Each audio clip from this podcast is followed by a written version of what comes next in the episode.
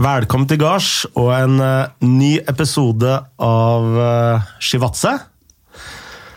Uh, laget av meg, Frode Lia, og uh, Tor Christian Karlsen. God dag, god dag. Og i dag så kan jeg si velkommen, Tor Christian, for nå sitter vi jo faktisk i et studio. Ja, vi satt der på kjøkkenbordet mitt sist. Det var hyggelig der òg. Kjempehyggelig. Litt mer proft og Vi er tilbake hos Moderne media. ja, gamle, gamle kjente. Hva har du gjort siden sist?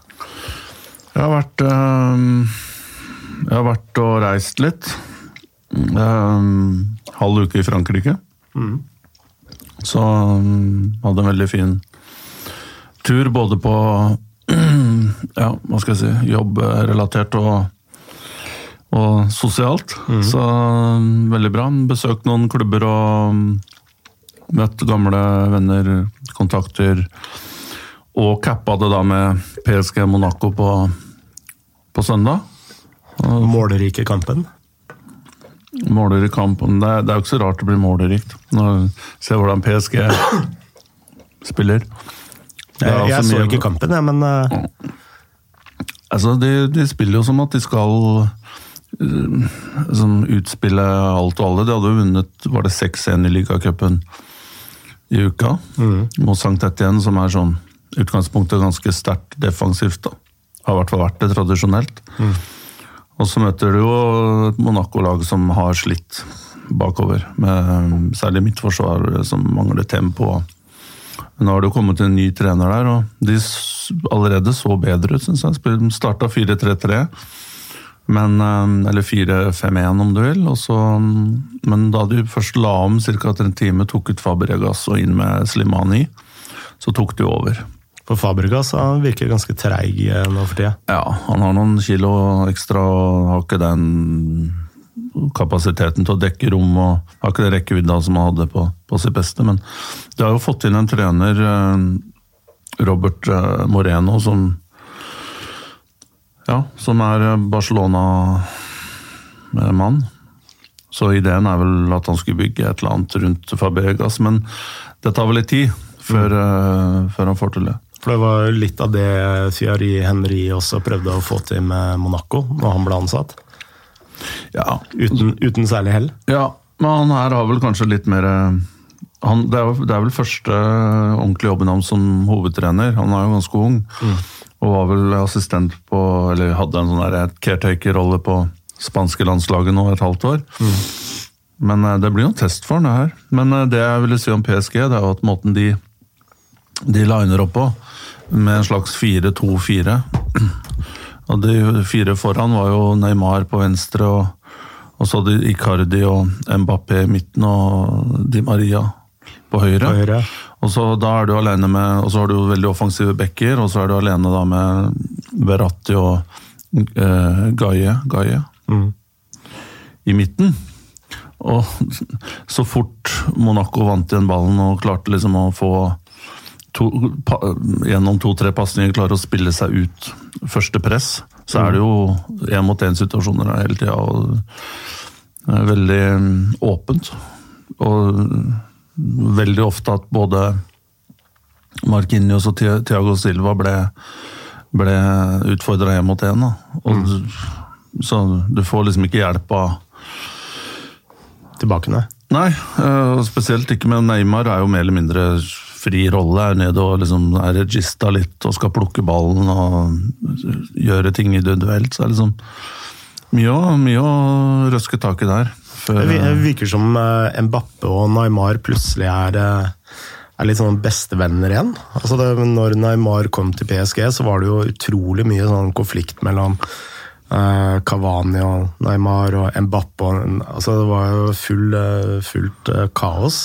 Men etter, eh, etter at Neymar kanskje har forstått at eh, jeg må bli i PSG, og så har han måttet liksom jenke litt på kravene, eller jeg er litt usikker. Det ser sånn ut. Han har roa seg kanskje etter han skjønner at han må bli der. Ja.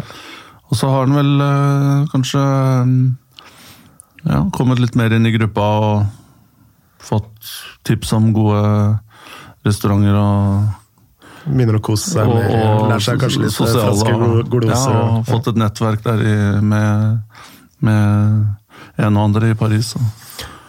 Altså, Nå veit verken du eller jeg hva Thomas Tuchel uh, har holdt, med, holdt, på med på, på uh, bakrommet, men uh, altså, det krever jo litt å få så mange egoer til å Eller skape en god stemning da, innad i troppen med så mange såkalte stjernespillere. Ja, det er helt opplagt. Og nå var det jo Kavani som måtte starte på benken. Mm. Han kom jo innpå og fikk ti minutter. Icardi hadde egentlig ikke gjort så mye ut av seg. Så rart han ikke dytta inn på Kavani før, men mulig han hadde noe, var noe med fysisk, fysisk uh, grunn til det. Mm. Men uh, begynte jo å skje litt mer. Bruke Kavani litt på en litt annen måte enn det du kan med Icardi. da. Mm. Man kommer inn til stor applaus og rungende kor fra, fra, fra, supporterne, så er det klart han er jo populær. Men Kavani kjenner jeg som en liksom, lojal, seriøs type. Han er ikke den som liksom krangler og, og, og kanskje det går litt utover han da, når Icardi er jo den typen, så hvis ikke han får spille, så blir det, blir det styr og styr. Men sånn som det ser ut for meg, sånn som PSG spilte og og spillestallen ser ut og måten de tenker på, så er det vel sånn at Tuchel, som er en smarting, gir dem et rammeverk. Eh, og så må det mye frihet til innenfor det. Mm. Og da må du bare akseptere at det ikke alltid går sånn som du, du, du ønsker, da, rent taktisk. Og du får jo ikke til det presspillet som er moderne i dag, og som han sto for i Dortmund. Eh, og, og, og, og, gjenvinningslysten og sånne ting. Du så perioder bitte litt av det, mm. men da var det liksom Di Maria og Verratti og Gaie og de der. Men de andre får liksom ikke den derre det, det, som skal til uh, defensivt. Når vi snakker om Kavani, så minner meg om, egentlig om den tida hvor vi blei kjent.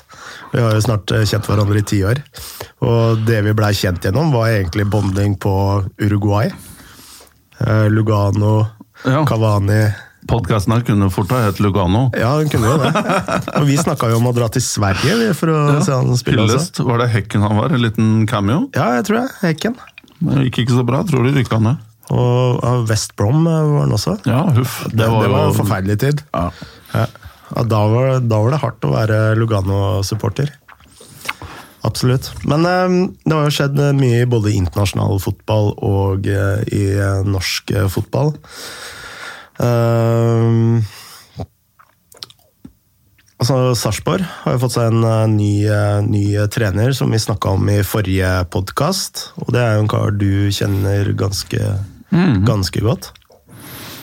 Jeg sa jo forrige um, uke mm. um, at jeg trodde at han sikta høyere enn Sarpsborg, med, med, all respekt, da. Um, jeg trodde... Men jeg, jeg, sa at han uh, hørtes ut som at han passa veldig godt i Sarpsborg. Mm. Ja, han gjør jo det. Mm. det er mange av de, han står for mange av de prinsippene som Sarpsborg har jobba Ligger i DNA-et til, ja. til Sarpsborg. Det skal spilles i lengderetning, og det skal være aggressivt, og det skal være Eh, godt organisert, og han, han, har jo også vært 4-4-2-mann mm. lenge. Utvikla det litt eh, Kanskje prøvd litt andre ting nå i senere tid, men, men veldig imponert at Sarpsborg fikk, fikk, det på plass. Um, jeg tror det handler med timing å gjøre. Jeg tror det handler litt om at Mikke har vært øh, ledig nå i over et år mm. fra San José. Og, øh, og ønska vel ikke å gå inn i en jobb midt i sesongen. Mm. Verken i Sverige eller Norge eller andre steder. Og, og nå er det oppkjøring, og det var vel jeg, jeg, tror vel han var på den lange lista til Malmö, men de virka ganske Det virka ganske klart at Malmö skulle ha en utlending av en eller annen grunn. Det er det jeg hørte. Jeg tror eh, rådene til Åge Hareide også veide ganske tyngt. tungt. Ja, det, det, han har jo lykkes med det før. Men eh, bra jobba der av Sarpsborg, og jeg så ikke den komme, eh, for å være helt ærlig. Ja, for Du, du snakka jo om at han burde være aktuell for Vålerenga.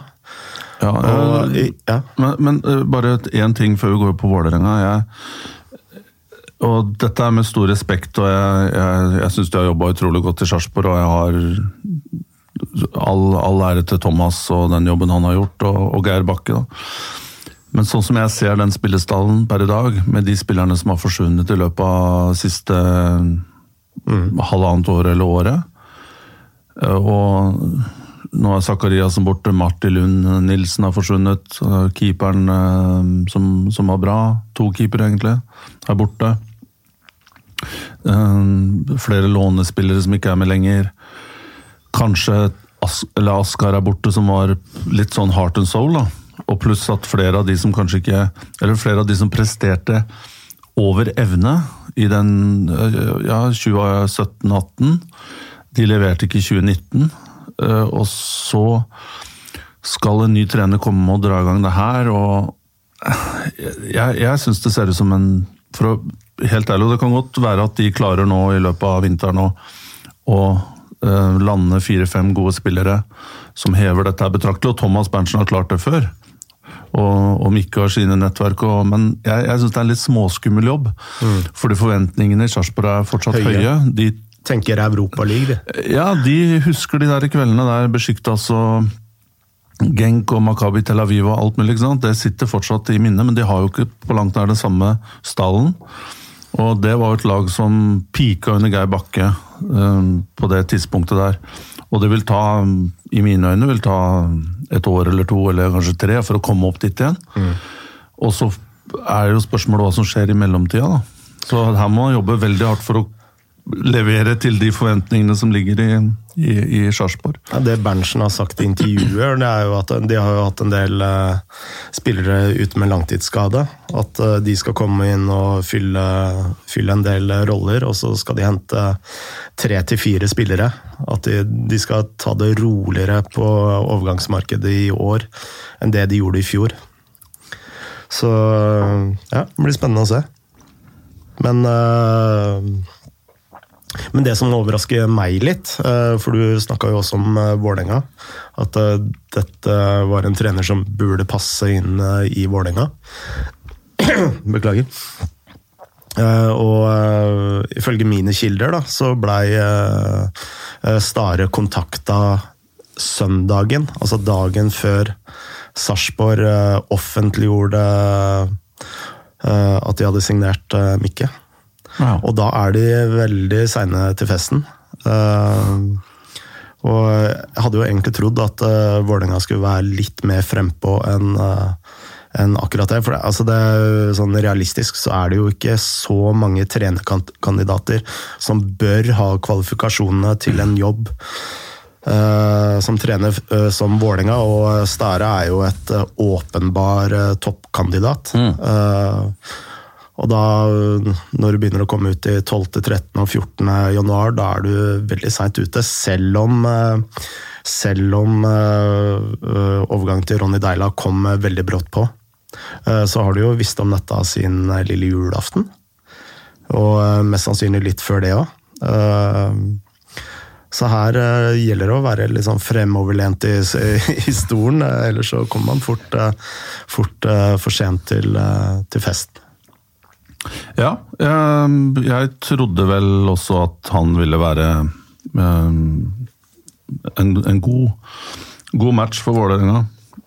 Han er jo en type som Nå skal jeg ikke bruke hele, hele formiddagen på, eller dagen her på, på, på han, eh, men eh, jeg tror vel Vålerenga eller Vi snakka om det her forrige gang, så jeg skal ikke gjenta for mye av det, men jeg tror Vålerenga trenger, trenger jo en, en, en sterk leder. altså en en som har troa på, på klubben og kan identifisere seg litt med supporteren. Og, og, og der er Mikke veldig flink da, på de tingene der. Liksom han skaper passion og genuin interesse, og det er litt liv rundt den. da.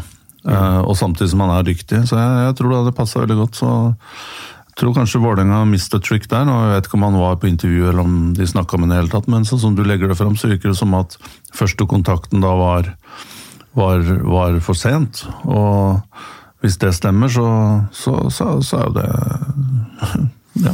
Nei, jeg har gode, gode kilder på det. Men Eh, en annen ting som uh, har vært uh, mye diskutert om den siste tiden, det er jo Brann og Veton Berisha. Og det har jo vært en saga som har foregått en, eh, en del uker, og når dette den der famøse for det var jo strengt tatt en famøs podkast intervjuet Berisha var med på, med åpenlyst eh, frieri eh, til Viking mens han var under kontrakt med Brann. Så er vel det sånn det, å, det at en spiller gjør seg uspiselig for klubben sin, det er vel en sånn brekkstang for å tvinge gjennom en eh, overgang, eller eh, tror du Brann var på utkikk etter å kvitte seg med den lønnsutgiften eh, i tillegg? Eh, Forresten, så vi må, vi må få til en sånn Nå er ikke vi tabloidbransjen her. Nei. Det har vel de lytterne eh, som vi har, eh, skjønt.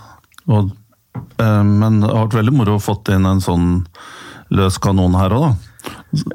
Så, vi kunne på en måte få den derre eh, PR-en som det for Ja, Som den der Vikingpodkasten ja, for den Stavanger Aftenblad-podkasten her, den gikk jo Norge rundt og ble linka hit og dit. Så. Mm. så det er bare å melde seg på hvis det er noen spillere som ønsker å å- Ønsker en overgang? Vi fikser det. Skal i hvert fall få snakke ut. Ja. Men uh, uh, Nei, det Jeg syns jo det er måter å gjøre det her på. Uh, han var vel også ute før jul og, og sa mer eller mindre samme tingene som ble gjentatt på den podkasten. Og ja Og han har vel også beklaga det, tror jeg. Eh, så, Det er sånn typisk dobbeltkommunikasjon. altså Du sier Det er nesten litt sånn Donald Trump, da, som eh, altså når han lagde Facebook-kampanjer i valget sitt, så lagde han jo eh, kampanjer med to uh, helt ulike standpunkt for eh, ulike demografier. Her var det ikke- Og her, det er litt uh, som Veton har holdt på med nå. altså han, Ett budskap til Brann-supporterne og ett til, uh, til Viking-supporterne. Ja, Det budskapet til Brann-supporterne var vel ganske klart. At han ikke ville, ville være der. Men eh, jeg- det er måter å gjøre det på. og eh, du kan, Nå, nå har jo du vært ute i media og meldt om media. Ja. Eh, Meta, meta um, I din metaverden, Frode. Jeg gjør det en, en, en gang i året. Men det, det gjøres jo ofte ved at man gir noen, noen snippets og noen små biter til, til mediejournalister og dropper noen hint her og der. Og, men Veton eh, Berisha gikk jo liksom full, full on her og, og, og sa det sa akkurat det han ville, og uh, uten noe Ja, det var ikke noe tvil om hva han ønska å få ut, av- ut av det her, da. Eh, det er klart, det, det blir jo mye. Uh, og dette er Viking og Brann. Eh, jeg, jeg, jeg tror kanskje sånn Brann har jo kommet godt ut av det. De fikk, hvis det stemmer at de fikk fem-seks millioner. Nå vet ikke jeg hva de ga for han, men de ga vel kanskje noe lignende. da. Og har ikke levert noe sånn stor sesong i Brann. Så kan man jo stille seg spørsmålet hvorfor. Jeg har ikke nok kunnskap om det til å gi en god analyse, men eh, de, de, de, de kommer jo for så vidt økonomisk godt ut av det. Og jeg Selvsagt så vil jo Viking-folka si at de, at de vil nå dekke opp for Tripic, som sannsynligvis forsvinner til Tyrkia, men eh, jeg vil jo si at det er jo to forskjellige typer. eh, Og Tripic har vel mer, liksom et mer allround game enn det Vet han har det. enn det Berisha har. Men jeg, jeg, jeg tror det er, det er uklokt å gå ut på den måten. Det det er dårlig stil, syns jeg. Jeg digger Veton Berisha. Jeg har hylla han siden han øh, var inne på landslaget første gang. og Liker at han er passionate og har liksom den der gløden du ofte får fra spillere fra Kosovo. den der, de elsker fotball og de har litt sånn ekstra temperament. Det digger jeg å jobbe med. du liker Veton, jeg liker Flammu Kastrati. Jeg liker Kastrati òg. Jeg liker å jobbe med andre spillere fra Kosovo. Tre-fire og jeg har alltid hatt godt forhold til dem. Og jeg liker den der ærligheten og, ærligheten og, og passion som de har. Og det er liksom aldri Hvis du, har, hvis du er veldig klar med de spillerne fra, fra Kosovo, har god tillit Kosovo-etniske, da, hvis det er lov å si det så får du veldig lojale og tøffe spillere og gode i garderoben. og liksom har litt, De krydrer litt det norske norske fotballmiljøet som kan være litt flatt og snilt. da. Mm. Uh, og de byr på noe litt annet. Det syns jeg er dritkult. Men her burde synes jeg Berisha liksom holdt det litt igjen, og ikke ja, Brann Brann ga han en veldig god uh, out. Mm. Fra en utenlandskarriere som ikke um, gikk på skinner. Og de ga han uh, god, gode økonomiske god, god, økonomisk pakke, så vidt jeg forstår. Og, og Lars Arne og Rune ja, Nilsen og Soltvedt de ga han tillit, og supporterne backa han, og så kan du liksom ikke gi den der nå For det er, det er, jo det han gjør. Ja, altså, han gir jo hele klubben fingeren. Ja. Det, det, det, det er ikke stil. Eh, men, og, men det er klart, hvis Brann ikke hadde vært fornøyd med den pakka her, sånn som jeg kjenner eh, klubben Brann og spesielt Rune, så hadde ikke han brydd seg om den podkasten der. Eh, eller hva spilleren sier, så ville han bare sagt at du tatt, Kalt han inn på teppet og sagt at du, det går ikke, og du skal bli her, du. Mm. Og, og, da tror jeg også Viking, som jeg oppfatter som en ganske ryddig klubb, da. Jeg tror ikke de hadde liksom eh, ja, jobba bak kulissene for å, for å legge mer press på Brisja til å komme seg ut. Så hadde nok det løst seg, men Nøkkelen her er nok at Brann egentlig er ganske, ganske fornøyd. For det er vel kanskje litt unormalt at det er spilleren selv som tar på seg den rollen som uh, brekkstang uh, for å tvinge fram en overgang. For det er jo stort sett overgang uh, Eller det er jo stort sett agenter som holder på med det spillet der. men du som har holdt på lenge med å deale med agenter. Hva er liksom de den mest vanlige måten agenter bruker for å tvinge fram en eh, overgang eh, på? Sånn type Hun trenger ikke å være sånn på Raiola-nivå, men sånn de små tingene. Eh, det er vel ikke så utbredt praksis i Norge. Jeg føler jo at her så er så er spillerne eh, Ja, det, det, det, er ikke nok å vinne på her, da. Det er et lite land, og du møter hverandre igjen, ikke sant. Mm. Så man ser ikke de store, orkestrerte exit-operasjonene som man gjør i andre land. Vi hadde jo en, eh, hadde jo en i start i, i, ved disse tider i fjor, og Niklas Sandberg som som ønska å komme seg bort, og var ute og snakka litt i VG og, um, om at han ville spille i Haugesund. Mm. Så jeg ringte, jo, jeg ringte jo Niklas når jeg så det. Jeg vet ikke hvordan den saken hadde, hadde Hvordan den hadde sin uh, liksom start. Mm. Om det var som, om det var VG som ringte han, eller hva, hva, hva som skjedde. Men var, jeg så i hvert fall sitater til Niklas Sandberg i VG, uten at vi hadde visst noe om det.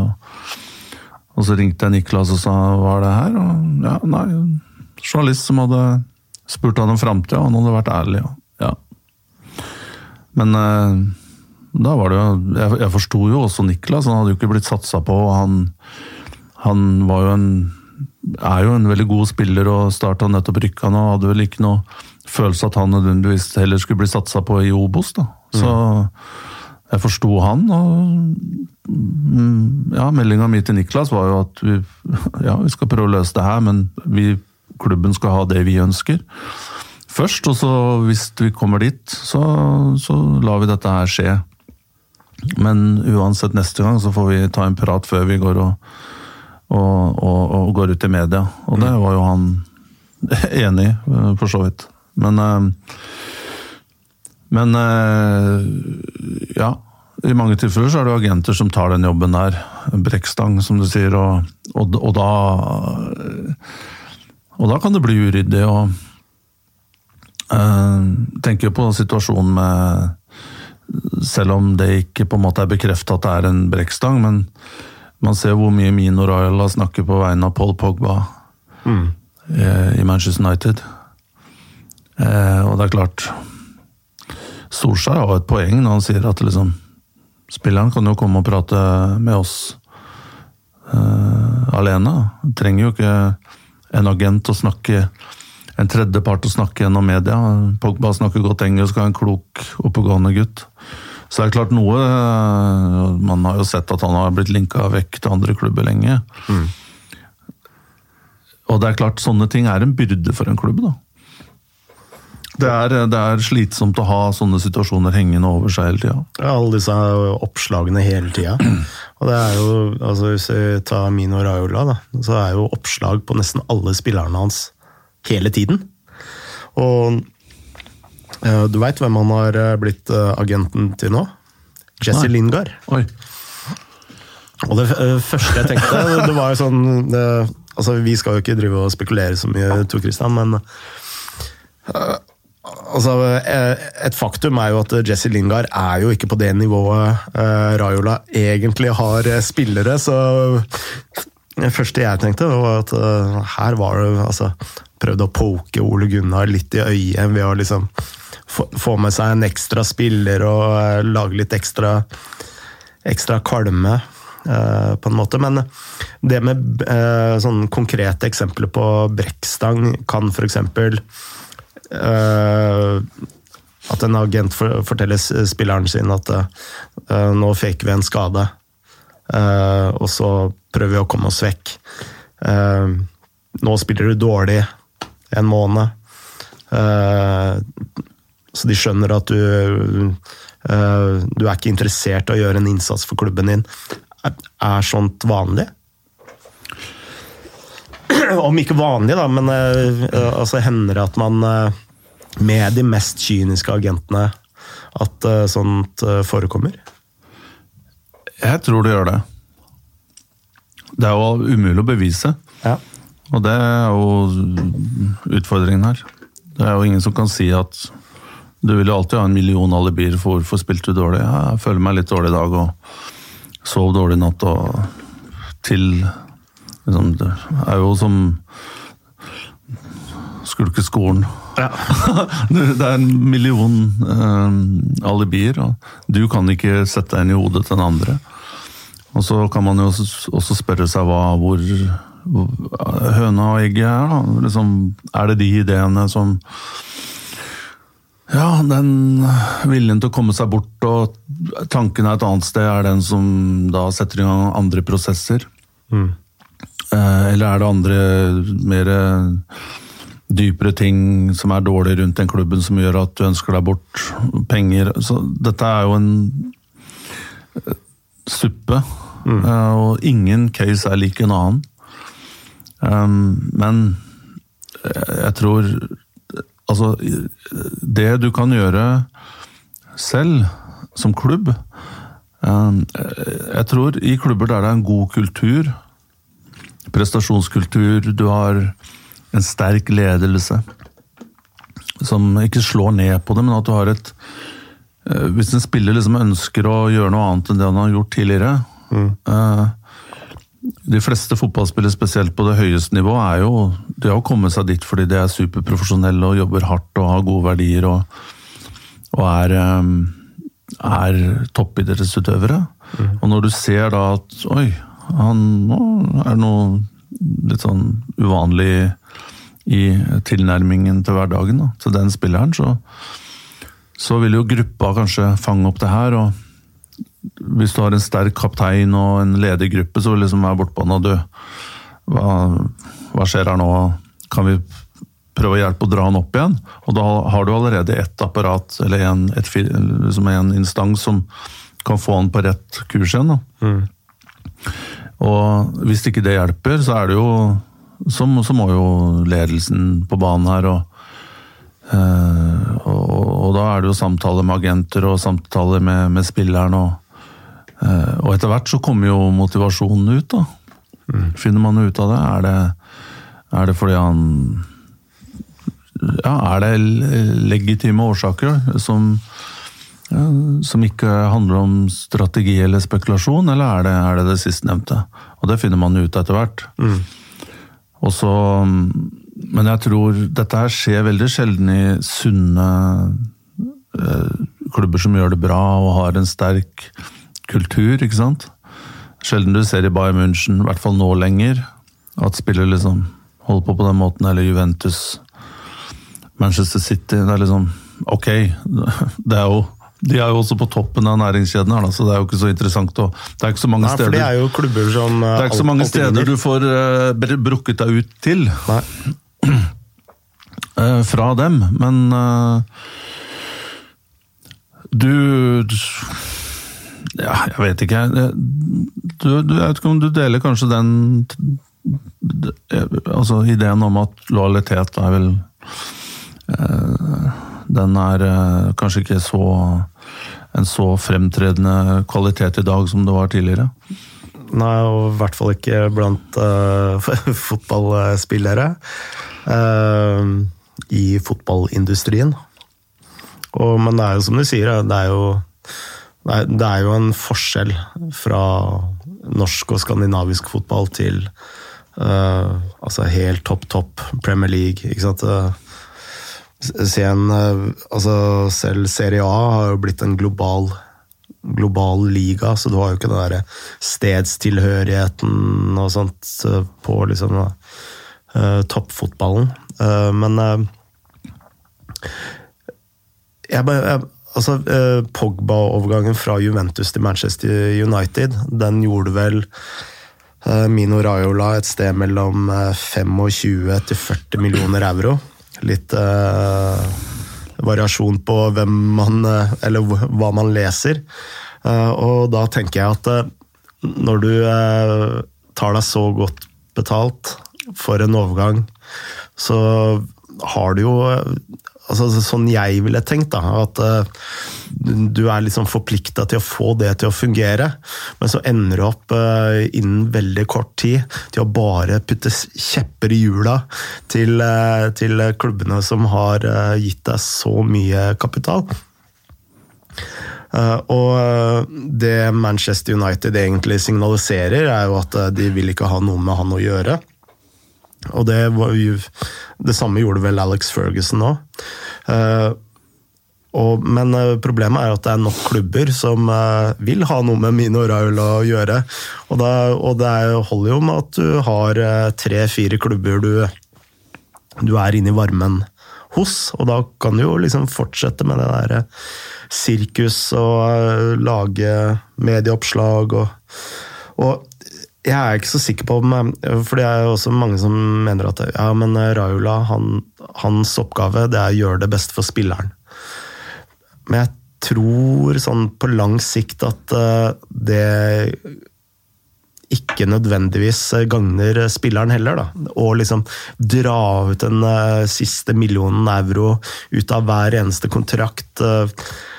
Altså Zlatan for eksempel, har jo hatt en fantastisk karriere, men kan jo være at eh, hadde han holdt seg i Juventus, så ville karrieren hans vært enda mer betydningsfull.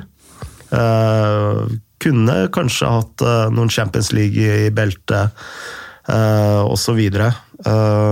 Istedenfor å være en sånn vandrende alltid liksom skal ha neste overgangssummen i lomma, neste sign-on fin.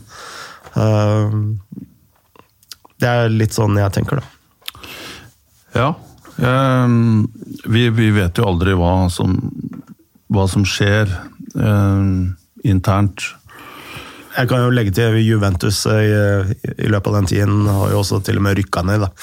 Så det var kanskje et dårlig eksempel, men, uh, men uh, det å skape et langsiktig uh, lojalitetsforhold til en klubb, da, som f.eks. Messi har hatt med Barcelona, selv om det er et uh, sært eksempel i og med at han kom til klubben som tolvåring. Uh, så tror jeg karrieren han, Messi kunne ikke ha hatt en bedre karriere i andre klubber, selv om han kanskje kunne ha tjent mer penger ved å gå, gå til City, f.eks., eller PSG uh, osv. Mm. Ja, jeg, er moro, artig at du nevner det, overgangen fra Manchester United til eh, Juventus. Jeg, jeg husker faktisk um, Det er eneste gangen jeg har truffet Mino Raiola. Det var sommeren uh, 2012. Og da satt jeg med Claudio Ranieri. Vi satt på en uh, restaurant som heter uh, hva heter det? Beef, Beef Bar. Det var da jeg fortsatt spiste kjøtt, Frode. Det slutta jeg med for noen år siden, men da elska jeg en god entrecôte. Eh, og da er det et sted der, i Fonvie i Monaco, som er nede ved havna der. Dette da- var mens du fortsatt var direktør? ja, ja, ja, selvsagt. Og kommer, kommer til det. Men uh, vi satt nå der og, og, og venta på maten. Og vi satt ved vinduet, og da kommer Mino Raiola med en, eh, med en spiller da, langs utenfor vinduet. De skal også inn her. Og han, Ranieri kjenner jo igjen Mino. Og eh, Claudio sa vel også at han hadde vel faktisk en, en del av æren for at Mino Raiola havna som agent. Han fortalte meg litt om det etterpå. Men eh, Så han vinka jo inn. 'Kom, kom, kom', kom, kom. Og så kom det og satte seg, og det var jo Paul Pogba. Som han hadde, og så sa Mino ja, han er, eh, det er Paul Pogba. Jeg, jeg kjente jo navnet og visste jo hvem det var. da. Men han skal, han skal til Juventus nå, vi skal signere. Og satte seg ned og, og, og joina oss for et stykke med, med importert eh, kjøtt. Så du spiste middag da med Pogba, Raiola og Claudio? Ja, Vi, vi ble nå sittende der. Og, men uh, Pogba var jo Hvor gammel var han da? 90, han var vel 19, da. Han er vel født uh, på vinteren 93, tror jeg. Så han var jo litt sjenert og, og sånn, men uh, han, men Mino er jo Raiola hadde jo planene klare, skjønte jeg, og, og, vi snakka og, og forsto at, eh, at det kommer til å At han, at han skulle til, eh, til Juventus, da. Så man, man ser jo Allerede der så kunne du jo se det båndet som er mellom mellom eh, Mino Raiola og, Spilleren. og spilleren, at de hadde en utrolig tett altså en relasjon som sannsynligvis gikk dypere enn bare agent-spiller. At det er nær, nær lojalitet og trust. Og sånn har, jo, har han jo også hatt det med, med Zlatan, ja. med Zlatan, hvor det er nesten, nesten en familiemedlem. Jeg har jo også vært i samme rom med George Mendes og Cristiano et par anledninger. Og, og med George og andre av, av klientene hans. Og du ser jo at de har en Det er jo familie. De er ekstremt tight. Og de bruker mye tid sammen utenom eh, det er litt, så, jeg, så jeg tror de relasjonene går utover også det med penger. altså Det handler ikke bare om å monetize og, og, og legge smarte karriereplaner, men det er, de er veldig, veldig tett på hverandre.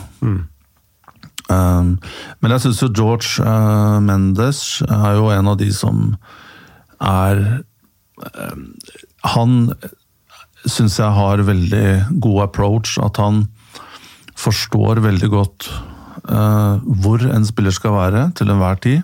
Hva er nivået hans? Og hvis spilleren blir solgt, så er også klubben med på det. Altså klubben som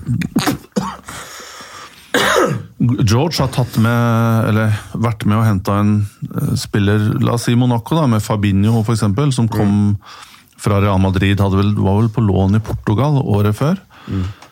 Og en spiller som liksom Ja, hvem, hvem er det? Uh, men og, og kom vel ikke for en enorm sum da, til Monaco, men de fikk jo solgt den for etter veldig god utvikling over en lang periode. Ja.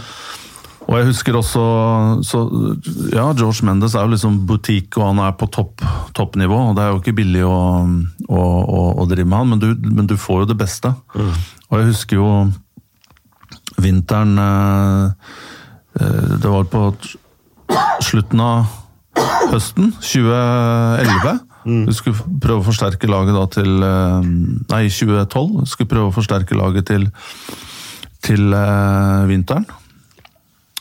Overgangsvindu 20. januar 2012. og eh, 2013, beklager rota av tall her. Men han, han pusha på meg hele tida. Han sa ta Diego Costa, ta Diego Costa.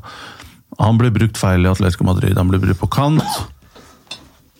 Og mens, mens Frode får hosta litt fra seg, så kan jeg fortsette resonnementet. Men, men, han- ble brukt litt på kant, han ble brukt litt sånn um, ukomfortabel med rollen, var ikke helt fast på laget i Atletico Madrid, og han sa ta Diego Costa, det er mulig å få han nå, til, um, til en OK pris, han har superpotensial, gå for han, jeg skal fikse det. Men ingen var overbevist, da, for du hadde jo ikke sett Diego Costa i den eh, midtspissrollen, eller som en på en måte vandrende midtspiss som han egentlig er. Fordi han ble brukt så mye på kant, så ingen var helt overbeviste.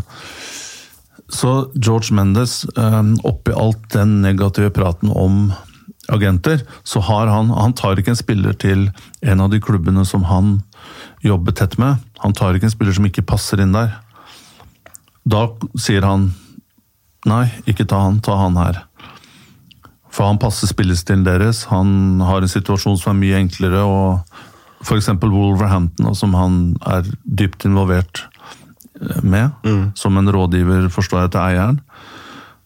Så ser man at de spillerne som kommer dit, er jo stort sett en god fit, og, og, og treneren er også en barndomsvenn av George, så han gidder ikke å presentere spillere for han som ikke vil funke, da. Ikke, var ikke det første klienten til George Jo, Mendes? Jo, Stemmer det. Og han, eh, han var også tidlig på meg og pusha han eh, godeste Nuno der. Var ikke det det overgangsvinduet dere også henta Falcao? Nei, det var, eh, det var da på sommeren, og da, og det, men det var en prosess som starta litt tidligere. Men, men, eh, men det jeg ville fram til her, det er at eh, noen agenter tenker bare på transaksjon. Ja, ja. Men jeg tror Raiola på sin litt sånn spesielle måte Men George Mendes, da, som også er kanskje litt sånn toppagenten i verden de har, en, eh, de har også et rykte å bevare. Det er ikke deres interesse som sagt å liksom ha spillere som sitter på benken rundt omkring. og De er såpass etablert og har tjent såpass mye penger òg at det er liksom ikke de gidder ikke å miste det gode ryktet pga. noen millioner euro her og der. Nei, men Jeg bare oppfatter approachen til George Mendes og Mino Raiola som helt forskjellig. da. Eh, Ja, men men sånn- lojaliteten, det er jo Ja. altså Hvis du leser eh, Zlatan-boka Noe av det som er mest interessant med boka fra sånn fotballståsted Det er jo faktisk den her lojaliteten mellom Raiola og Zlatan. Og Zlatan beskriver jo Raiola som eh, en av tre personer som han stoler helt blindt på. Uh, uh, og, og det forholdet blir også beskrevet at uh, den hardeste kritikeren til Zlatan mens han spiller i Ajax, f.eks. Det, det er jo ikke treneren eller klubben eller medspillere, det er jo Raiola som sier at eh, nå må du faen meg skjerpe deg. Eh, Du må komme deg på trening, du må begynne å skåre mål, du må komme deg foran mål. Sånne ting som egentlig er en trenersoppgave, kanskje. Da. Og, og dette var jo noe som responderte veldig til eh, Zlatan. At du hadde en som eh, var 100% ærlig med deg, med prestasjonene dine uh, osv. Jeg mener å huske det var en sånn historie med noen Ferrarier Zlatan hadde lyst til å kjøpe, og eh, eh, du er ikke god nok for å kjøpe deg en Ferrari, hadde Raiola sagt, eh, eh, sagt tilbake, osv. Så, videre. Eh, så det er- lojaliteten er jo selvsagt veldig, veldig viktig. Eh, men eh, samtidig så tror jeg det Raula lager så utrolig mye støy, da. Eh, en sånn type støy som jeg ikke ser George Mendes eh, eh, lage med spillerne sine, så sant det ikke er eh, Altså, De gangene det er støy med George Mendes, det er eh, når eh, Cristiano Ronaldo skal skrive en ny kontrakt med Real Madrid, og han kan lekke til pressen at nå skal han til Monaco, eller nå skal han til PSG, eller nå eller, Men han slipper jo, han Ja, slipper jo å lekke da, for det media gjør jo den jobben for han uansett. Ja. Men, jeg- jeg- men Mino Raiola er jo napoletaner. Eh, og det kommer jo med visse karaktertrekk. Ja, Forklar det. Nei, Napoletanere er jo mest um, italienske italienere, da. Det er liksom den derre Skal vi si uh, Karikaturen av italienere som man har fra sånn Før folk begynte å reise og skjø- skjønte at italienere kom i mange forskjellige fasonger, men nap nap napolitanere er jo meget ekstroverte og Napoli har vært liksom en uh, handelsby, og, og de er kremmere og De er kremmere òg. De er kjent for å være kremmere. Ja, ja, ja selvsagt. Ja, selvsagt og, og på sin egen måte. Ja, fordi jeg har jo sett på napolitanere litt som sånn Italias brasilianere, på en måte. Ja, men er jo ikke det Det er jo ikke Motsetningen? Nei. Jeg, jeg husker faktisk første gangen jeg var i Napolis, gikk jeg, jeg gikk jo på en smell, og det, det det her er jo, karakteriserer jo Napoli, altså et nøtteskall. Jeg skulle mm, sør, lenge sørover. Kom med toget fra Genova, tror jeg. Eh, og så hadde jeg connection da, i Napoli. Dette er mange mange år siden, må være 20 år siden mer, kanskje. Sånn midten på 90-tallet. Uh, og da sk- jeg skulle jeg videre sørover mot Reggio Calabria og skulle bytte tog da, i Napoli. Og må huske på på den tiden her, så var det Ja, nå kommer det. Mobiltelefoner uh, var veldig dyre. Og det er jo klart at det var jo ikke noe hedersprosjekt av meg og, og dette her heller. Så jeg fortjente jo den leksa her. Så i den ventetida så tok jeg meg en, en, en runde rundt i Napoli, det var noen timer. Og så la jeg merke til at utenfor togstasjonen så sto de og mm, solgte mobiltelefoner. Lina opp sånne fine nye modeller som ikke hadde sett i engang. Eh, og solgte da. SIM eh, uten SIM og åpna og alt mulig. Så det var, var ikke snakk om sånne burnere du ser på The Wire, liksom, men det var sånn ordentlig fine Ja, det var, den der, det var en Eriksson der som jeg syntes var fin, med sånn bitte liten, med sånn flipp-sak på. Ja, ja. Og det var nye, da. Og jeg var vel ikke så veldig interessert i hvordan disse hadde blitt framskaffa, men jeg var jo ikke så veldig gammel heller, da. Det skal sies. Så jeg var sånn i begynnelsen av 20-åra, så ha meg unnskyldt for det her. Men så kjøpte Så den Dette var jo lire. Jeg husker ikke hvor mye han skulle ha, om det var det var vel 100 000 lire, var vel 400 kroner, og at den kunne kosta 2000 250 000 lire, jeg fikk pruta den etter 200 000, syntes jeg var en kjempegod deal. Eh, og prisen var sånn på rundt, litt under en tusenlapp, da. Men det er jo klart, med inflasjon så har en tusenlapp har jo vært mer uh, da enn det er nå. Og så sa jeg jeg vil gjerne ha den der, og så sa han ja. Jeg prata ikke så godt italiensk på det tidspunktet der, men han liksom, var jo opplagt hva begge parter ville her. Så sa han ja, men uh, tok han boksen, og så sa han men kom, kom med meg her. Eh, og eh, For vi, vi kan liksom ikke utveksle penger og sånn eh, rundt akkurat på åpne plassen ut av piazzaen utenfor stasjonen her. Så da gikk vi en sidegate. Han først, jeg etter. Og så stakk inn på en slaktebutikk. Hvor han da eh, bare Og jeg sto og så på. Hvor da han tok eh, Ga boksen til han slakteren. Og så la han oppi pose. Og så, og så gikk vi ut. Da var liksom For han hadde ikke poser, da. Og så på hjørnet der så fikk han pengene av meg. Og, og før dette her så hadde jeg faktisk prøvd mobilen. Så jeg hadde hatt den oppå boksen og prøvd, og jeg tror jeg ringte moren min. Ja. faktisk. Og da ble han stressa, for han skjønte det var dyrt. Så sånn etter 20 sekunder så var det sånn Nei, du, bra nå. Og så, eh, og så tok jeg den, og sa men ikke, ikke noe åpne opp her, for det er mye liksom, folk rundt. og ja, ok, greit.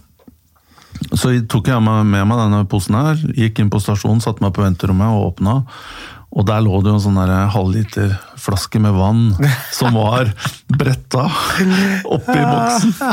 Så uh, luretrikset var jo den transaksjonen inne hos slakteren. Som, eh, som, eh, og det, det, det var jo min eh, første møte med, med Napoli. Men eh, du finner jo ærlige og redelige og fine folk der. Eh, Pablo Canavaro er fra Napoli og er jo en, er hedersmann, så. Men poenget mitt da, det er at ved en lang, lang omvei, mm. så vil jeg si at ja, Mino Raiola har, har litt andre metoder å gjøre ting på enn det Mendes har, som er liksom mer en business Du ser jo bare på klesstilen. Ja. Og, ja.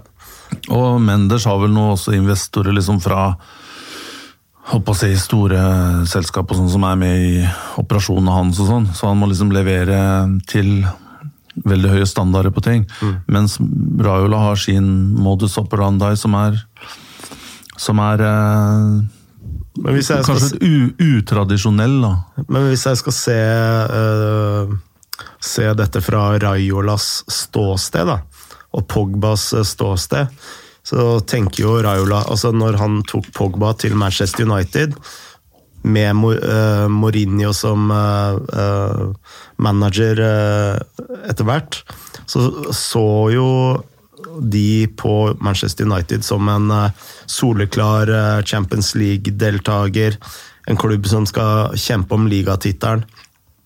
Det er jo ikke Manchester United uh, uh, i dag. Altså, det er jo veldig Altså, det er jo en sannsynlighet for at de klarer å kvalifisere seg til Champions League, men uh, den er ikke veldig stor. Vi kanskje anslå rundt si 30-40 sannsynlighet. da. For at de, men, og det å vinne Premier League, det er jo Der er det jo langt unna.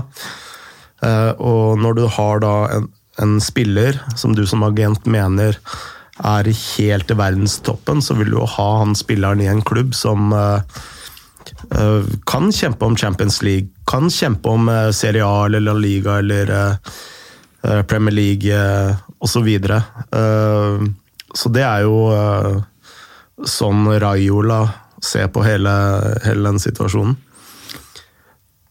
Ja, absolutt. Jeg har noen innspill der. Første er jo at at eh, hvis Mange vil jo si at hvis Pogba hadde dratt opp liksom levert bedre, da, så mm. ville jo kanskje Manchester United vært 7-8 poeng nærmere nærmere, eller lenger opp på tabellen, og at han burde kanskje som den verdensstjerne han er han, Det er jo ikke snakk om at han er en Han er jo en av verdens fem beste spillere, vil jeg påstå. Fem-sju, i hvert fall. Mm. Når han leverer til sine standarder. Uh, og det er jo ikke en klubb i verden som ikke tar han.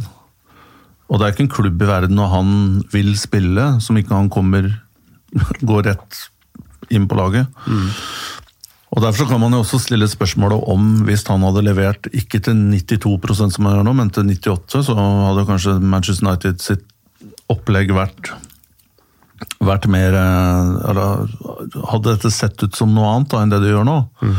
Så noe av ansvaret ligger jo hos han nå. Um, men uh, jeg, jeg, tror igjen da, tilbake til Mino Raiola, så tror jeg at han egentlig har god han, han, skjønner fotball, det er ikke noe tvil om. Han kan nei, fotball. Nei, nei. Og han er smart? Han, og han er smart, han snakker mange språk. Uh, og så er det folk som gjør narr av at han jobba drev pizzarestaurant i Amsterdam, og at det er veldig morsomt. Mm. Å bli kalt pizzabakeren og sånn. Um, vi er ikke sponsa Pizzabakerne. Forresten. Men Eh, og syns det er morsomt, men eh, ja, du ser jo på måten han, han, jobber på, måten, altså klienten og hvordan han tenker at han, han, han kan fotball. Han, mye bedre enn mange andre, de fleste andre agenter. Men det jeg syns også er spennende, og jeg kan jo hive den over til deg at,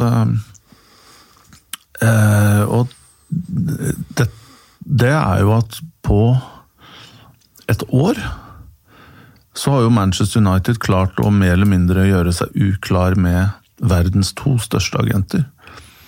Og det er Mino Raiola og Ja, det er vel han vi snakka om, om, tidligere, da, Mendes. Mendes, ja. Ja, det er jo opplagt etter Mourinho sin exit, så er jo ikke det ah, Den koblingen så jeg ikke Så er jo klart at Manchester, Manchester United har jo ikke noe prioritet i hans verden lenger. Nei. Og det syns jeg faktisk er ganske spesielt. at, det, at, at, det, har skjedd. Um, og, og særlig en uh, agent som har så mange spillere, uh, som det Mendes har. Ja, han har jo Ok, så kan det komme en uh, Hvis dealen er riktig, så tror jeg ikke han tenker sånn Ja, skal aldri en Jestifoot-spiller mm. til Manchester United lenger. Jeg tror ikke han tenker på den måten der, men hvis han har valget mellom å, å, å ta med en spiller til, til uh, Wolves da, mm. og Manchester United, så kanskje han tenker litt dypere over det nå enn han gjorde før. Mm. Og hvis han har valget mellom Manchester City, som, som har to-tre spillere som er Menders-spillere, tror jeg, um, og Manchester United, så tror jeg ikke det er noe diskusjon. Så Manchester United er ganske langt ned på lista over uh, klubber de største agentene egentlig vil prioritere. Og i tillegg så kan jeg jo si at det, agentene har jo også en sånn rekke jeg vil ikke kalle dem hangarounds, men uh, altså Si Mendes, da. Han har jo mange agenter under seg igjen. Som uh, bruker Mendes for å uh, selge inn spillere til ulike ja. klubber. Så det er jo ikke bare Mendes, men det er jo en flokk av agenter under ham igjen. du eventuelt går glipp av, da? Nei, det tror jeg ikke. For de, de små småkara der, mm. de kan du jo kontakte sjøl. Hvis, altså utgangspunktet så er det jo sånn at og Manchester United, som er en så ressurssterk klubb og har kanskje største speiderapparat i England, så vidt jeg forstår, de har jo holdt på å oppgradere og restrukturere i fem-seks år, så vidt jeg vet. Jeg vet om folk jeg har til og med hatt et intervju med Manchester United på et tidspunkt, um, til en eh, rolle der. Og den stillingen ble ikke oppretta etter det jeg forsto etter hvert. Men eh, du snakker med andre også, som har vært og, og snakka med den klubben. Jo, men jeg tenker mer sånn. Ja, ja, men jeg kommer, kommer, til poenget. Beklager lang digresjon. De, Manchester United, sånn som de har jobber nå, de identifiserer jo spillerne selv. Og um, hvis det er spillere som er på en måte tilknytta små agenter, de er jo fortsatt keene til å få De stopper ikke fordi George Mendes liksom sier 'ikke ta han dit'. Nei, men eh, det handler mer om at eh, Siden nå er du jo interessert i en eh, midtbanespiller fra Sporting Lisboa. Jeg veit ikke hvem som er agenten hans, da, så dette er bare et tenkt eksempel. Da. Og vedkommende har mest sannsynlig en portugisisk agent. da. Det er jo ikke sikkert, men la oss si han har det. Som ofte gjør dealer gjennom Mendes. Og så, eh, De har jo en dialog, de, og så sier Mendes Skjalt han heller til Wolverhampton.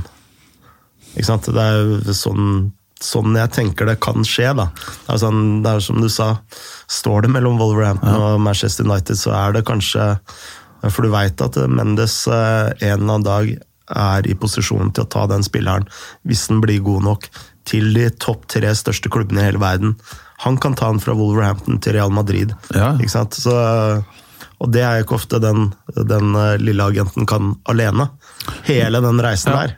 Men, eh, men, eh, ja, jeg ser hvor du kommer fra. Men... Det er mer et spørsmål da, enn et standpunkt. Ja, nei, jeg, jeg, det, det, er nok varierer fra case to case, da, men jeg er nok mer bekymra over at Jeg ville vært mer bekymra over den eh, direkte eh, innflytelsen som du mister da, med de nærmeste, største klientene til, til George Mendes og mm. Raiola. Mm. Og det er jo tross alt sånn at um, og så er det jo klart at det er mange store agenter også i England og andre land, Tyskland, som jobber litt mer sånn Ja um, Tradisjonelt? Nei, eller moderne kanskje, da, om du vil. Altså Sørover i Europa så er det veldig sånn Folk, sånn som jeg opplever det, er mer har tightere connection. Mm. Folk er mer familie. Og når de jobber sammen, så er de mer lojale til hverandre. Det er mer klan. Mm. Og derfor så er det veldig dumt, som du sier det òg, da, å øh, ikke øh, opprettholde da øh, veldig sterke connections med folk som er er sterke i de områdene. Og hvis du skal Jeg tror nesten det er sånn at hvis du skal bygge en verdens øh, Altså en klubb som skal utfordre Barcelona, Real Madrid, Liverpool øh, Si City òg, da. Paris Saint-Germain, Bayern, Juventus. Største klubben i verden. Eh, så, no, så kommer du til å ha noe med Mino Raiola og George Mendes å gjøre. Du kan ikke bygge liksom, uten å få inn gode portugisere, brasilianere, spanjoler. Og de er gjerne connecta til noen av disse her. Om de ikke er det nå, så blir de det. Så det syns jeg er veldig rart at de har mista den. Og alt kan jo repareres. Men eh, Mourinho og George Mendes er såpass tight at eh, hvis det står noe mellom Tottenham og Manchester United, så tror jeg han er mye mer gira på at Mourinho skal lykkes i Tottenham, og hjelpe han med det, enn at Manchester United skal få en edge, da. Ved at han loser folk dit. Så hvis vi ser de neste seks-syv overgangsvinduene, så uh, er det overhengende sannsynlig at vi vil se Mendes-spillere inn i Tottenham. Ja, det vil, jeg, det, vil jeg, det vil jeg tro. Og det er jo en av de eh, positive sidene som du får med å hyre Mourinho. Det er jo at du får access til hele nettverket til Mendes, og at du får preferential treatment der. da. Og det har nok Daniel Levi, Levi også skjønt. Um, hvis du ser på Atletico Madrid, da, hvordan de har bygd seg opp, det er jo Arkitekten bak det er jo i, i stor grad Mendes. Og måten han har hjulpet dem å flytte spillere og finansiere overganger og, og, og fått tilgang til ting som de ikke gjorde uten det samarbeidet med han. Eh, og, og det er ikke så enkelt at selv om du er en veldig stor klubb eh, som Manchester United er, at du er liksom totalt autonom og kan behandle alle akkurat sånn som du vil. Og det er mange som også sier til meg at ja, men hvorfor skal man være under agentens grep? Eh, Det har vi jo, Plussiden her har vi jo snakka om. Mm.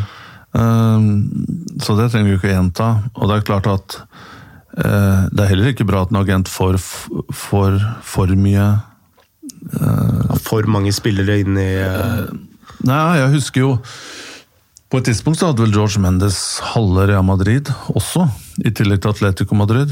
Og da de traff hverandre i finalen, så var det jo bare nesten bare George Mendes-spillere utpå der. Men jeg- jeg tror hvis du er en sterk klubb og har en god kultur og, og, og ja, gode, gode trenere og ledere og sånn, så klarer du å håndtere, håndtere det også. En ting jeg, som jeg uh, I forbindelse med Erling Braut Haaland-overgangen til Dortmund uh, Så leste jeg nærmest i en bisetning at uh, Og jeg veit ikke om dette stemmer heller, men at Man skal være skeptisk til det man leser i pressen, men at Manchester United ikke ville betale de summene med tanke på videresalg osv. Uh, til agenten, eh, og at det var en av årsakene til at eh, den overgangen stranda. Nå har jo Erling Braut eh, Haaland sagt at eh, det å gå til Dortmund var jo hans eget valg, da. Men Uh, eh, la oss uh, forfølge det uh, forfølge den tankerekken der, da, at det faktisk eh, skjedde. At eh, de ville ikke betale de summene til agenten. Men eh, hvis du ser en klubb eh, som Liverpool, da, det er den klubben i Premier League som har betalt ut høyest honorarer til agenter sist sesong. Og eh, Og jeg tror litt av tesen er jo at eh, når eh, de er ute etter en spiller eh, som eh, virker veldig veloverveid, og, og er jo en klubb som har jobba veldig bra med akkurat rekrutteringsbiten, så skal de ha den spilleren koste hva det koste vil. Og da om, eh, om eh, agenten får ti 10 millioner euro, eller hva, da betaler de det. Eh, er det litt sånn eh, så må du altså eh, Faren min pleier å si 'if you pay peanuts, you get monkeys'. Eh, og det er vel kanskje litt sånn eh, med agenter òg, at du er pinadø nødt til å betale det det koster for å kunne kjempe på, på liksom den topp ti verdensfotballen. da. Selvsagt. Og, og agenten er jo den Altså, han er jo den som får eh, Altså regisserer eller opplegger rundt en overgang. Eh, Gjør mye dirty work for deg. Fordi du vi hadde, jo en episode om tapping up. Gamle Chivadze eh, podkasten fra 2015 eller noe sånt. Og eh, det er klart eh, Enhver overgang er forskjellig. Men på et eller annet tidspunkt så må du jo, for ikke kaste bort tid og for å forstå at spilleren faktisk er interessert, så må du jo ha en liksom, Du må jo kartlegge det på en eller annen måte. Og det er ikke forbudt å snakke med spillerens agent for å høre om spiller XYZ kan være interessant, interessert i din klubb. Ja, For det som ikke er lov, det er å kontakte spilleren direkte. Det er ikke lov. Så fremt han ikke har Så fremt han har mer enn seks måneder igjen av kontrakten. Eh, har han har han uh, færre enn uh, eh, Altså under det, så kan jo spilleren kan jo sitte på et restaurantbord og i all offentlighet. Kan, kan jeg bare spørre deg et sånt sidespørsmål? Finnes det liksom lister over uh, hvilke spillere som har hvilken uh, agenter, sett bortsett fra transfermakt?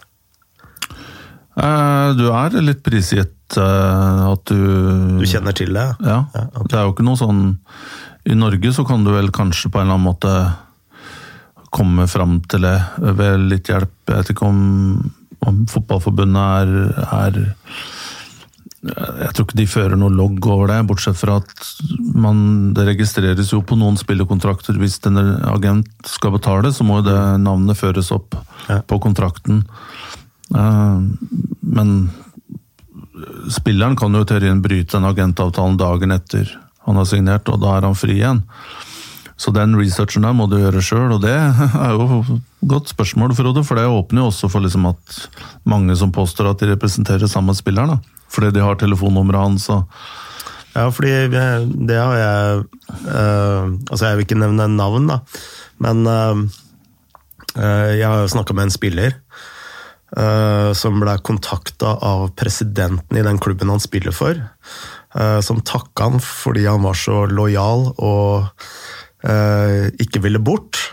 Eh, og da viser det seg at eh, det var en relativt stor klubb som hadde kontakta agenten eller den eh, klubben trodde var hans agent, men som han hadde sagt opp i mellomtiden pga. noe økonomisk rot. Eh, Og så hadde vedkommende agent sagt at eh, Jeg tror ikke han spilleren er noe for- dere, men eh, jeg har en annen spiller som jeg tror vil passe helt perfekt. Og klubben signerte da den spilleren. Ja. Men det er jo på den klubben som, som gjorde handelen. Selvsagt. Det er jo That's on them. Ja, absolutt. At, absolutt. og her ble det jo på en måte lurt, øh, men du skal, du skal jo ikke på en måte Altså, du, du må jo bestemme deg for ta beslutningene selv, men det er jo et Det er en god finte, iallfall.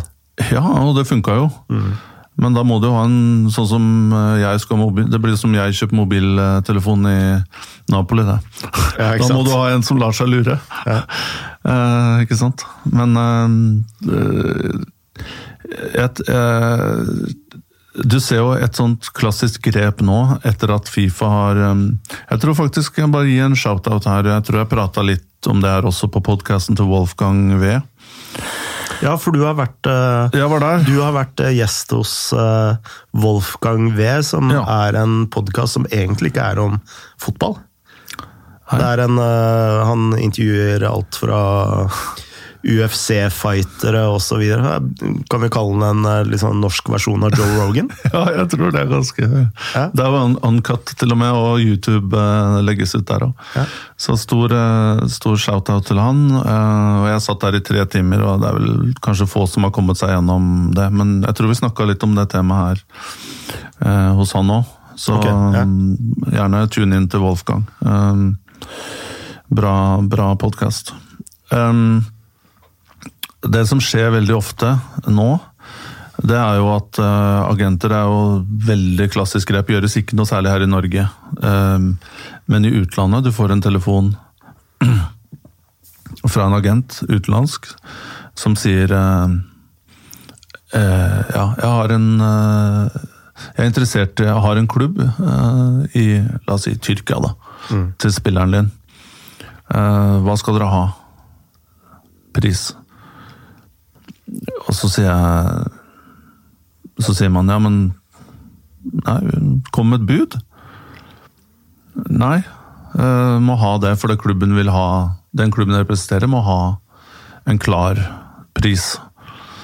Um, for det er klart, hvis du, du, du, spør jo en annen pris om det er, om det er uh, Adanaspor eller om det er Fenebache, mm. så er det klart at i et gitt altså, søkt eksempel, da.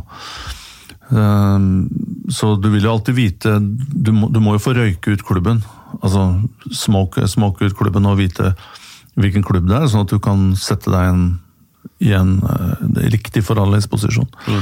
Men det, det agenten gjør, er at han hvis du gir en pris, så går han da, tar han den prisen, og så begynner han å ringe klubber. ikke sant? Mm. Og, og, og, skal ha mellomlegg og sånne ting. Eh, det er en litt annen greie enn det du sier, da. Vi snakker om Det var litt snudd her. Dette er jo agenter som jobber da i teorien for klubb og ikke for spiller. Mm. Men det er jo masse sånne rare Rare uh, varianter oppi det her, og det er veldig uklart. Uh, men jeg, jeg, føler at her i Norge så er det relativt Jeg sier relativt seriøst. Og de få agentene som har som har spillere her, og de ønsker å, å opprettholde decent relasjoner da, mm. til klubbene. Men det kunne også vært bedre, vil jeg si. Vi skal få en agent her etter hvert, da, så kan, han, kan agent han henne få lov å legge fram ting fra agentenes ståsted. Mm. Jeg opplever at at man kunne vært flinkere til å se litt liksom, le, le, Ha litt mer langsiktig horisont da, på, mm. på samarbeidene med klubbene. Ja. Uh, og ikke være liksom chase, chase noen tusen her og der. Mm. For det til slutt så pisser du off feil folk, og da brenner du en bro som kunne leda deg til veldig fine uh, muligheter senere. Mm. Og det, det, skjer litt her i Norge òg. Det er kanskje det mest imponerende med George Mendes. Er at han er så flink til å ikke brenne broer, selv om han uh, uh, Sky eller Altså, han gjør gode dealer uten å brenne bruer, er kanskje det retteste måten å si det på. Eh, men eh, eh, kan vi snakke om noe annet? En liten digresjon her som jeg tror veldig mange kanskje ikke er fullt klar over, og det er det du sier at spillere blir jo solgt for ulik pris avhengig av hvor eh, de spiller hen. Eh, så når eh, la oss si Martin Ødegaard blir solgt for 30 millioner kroner til Real Madrid, så mange som tenkte at det var kanskje en lav sum til en av verdens største klubber. Men hvis han kom fra et akademi i England, f.eks., så ville den mest sannsynlig ha kosta mye mer. Er det sånn det fungerer? Eller dette var jo en juniorspiller, så det er kanskje et veldig dårlig eksempel. da. la oss uh, si Jon Carew, da. Når, mm -hmm. som har fortsatt overgangsrekorden for en norsk spiller ut av Norge. var vel for nesten 70 millioner eh, kroner, tenker jeg. Men eh, si han hadde spilt i Nederland, da, så ville kanskje den eh, summen vært noe helt annet. Høyre. Høyre, ja. Det henger vel sammen med at nivået er høyere, da. Og at du har prestert på et nivå som er Du har bekrefta din eh, Hvis du kommer fra Eliteserien eller Sverige, så Så vi, Man vet jo aldri hva er potensialet til en spiller. Det blir jo Du har en viss idé hvis du er flink scout. Og på noen spillere så er det liksom sånn late bloomers og kanskje stopper er vanskelig å skjønne hvor, hvor, hvor god Går så mye på spilleforståelse at en stopper kan liksom gå fra ja, nå, nå er det digresjon her igjen, men det er vår podkast, også fuck it. Må, må, må være lov å komme med digresjoner her. Men hvis du ser på disse her eh, aldersbestemte landslagene, og det er gjort noen studier på det, U20-VM og U17-VM, og så ser du på hvor stopperne på disse lagene selv ble mestere, og veldig få av dem havna i, i toppklubber. Mye, eh, mye lavere grad enn angrepsspillere da, og backer. Eh, og det i mine øyne handler om at det har så mye med spillerforståelse å gjøre, som stopper. Og da kan det være at du bloomer senere, ikke sant? Fordi du forstår og, og, og lærer deg rollen og, og, og, så videre. Og derfor så tror jeg at eh, eh, Men klubber eh, som bruker mye penger på spillere, vil jo så langt det er mulig kunne forutsi hvor god spilleren er og kan bli. Og derfor, hvis du har spilt i Holland, så har du jo kommet et trinn videre enn en, en, enn Norge. Du har hatt en jeg tror, treningshverdag som er tøffere. Du har hatt eh, blitt matcha på et mye høyere nivå hver eneste dag. ikke sant? Kanskje spilt litt høyere nivå ute i Europa. Kortere vei til landslag og sånne ting.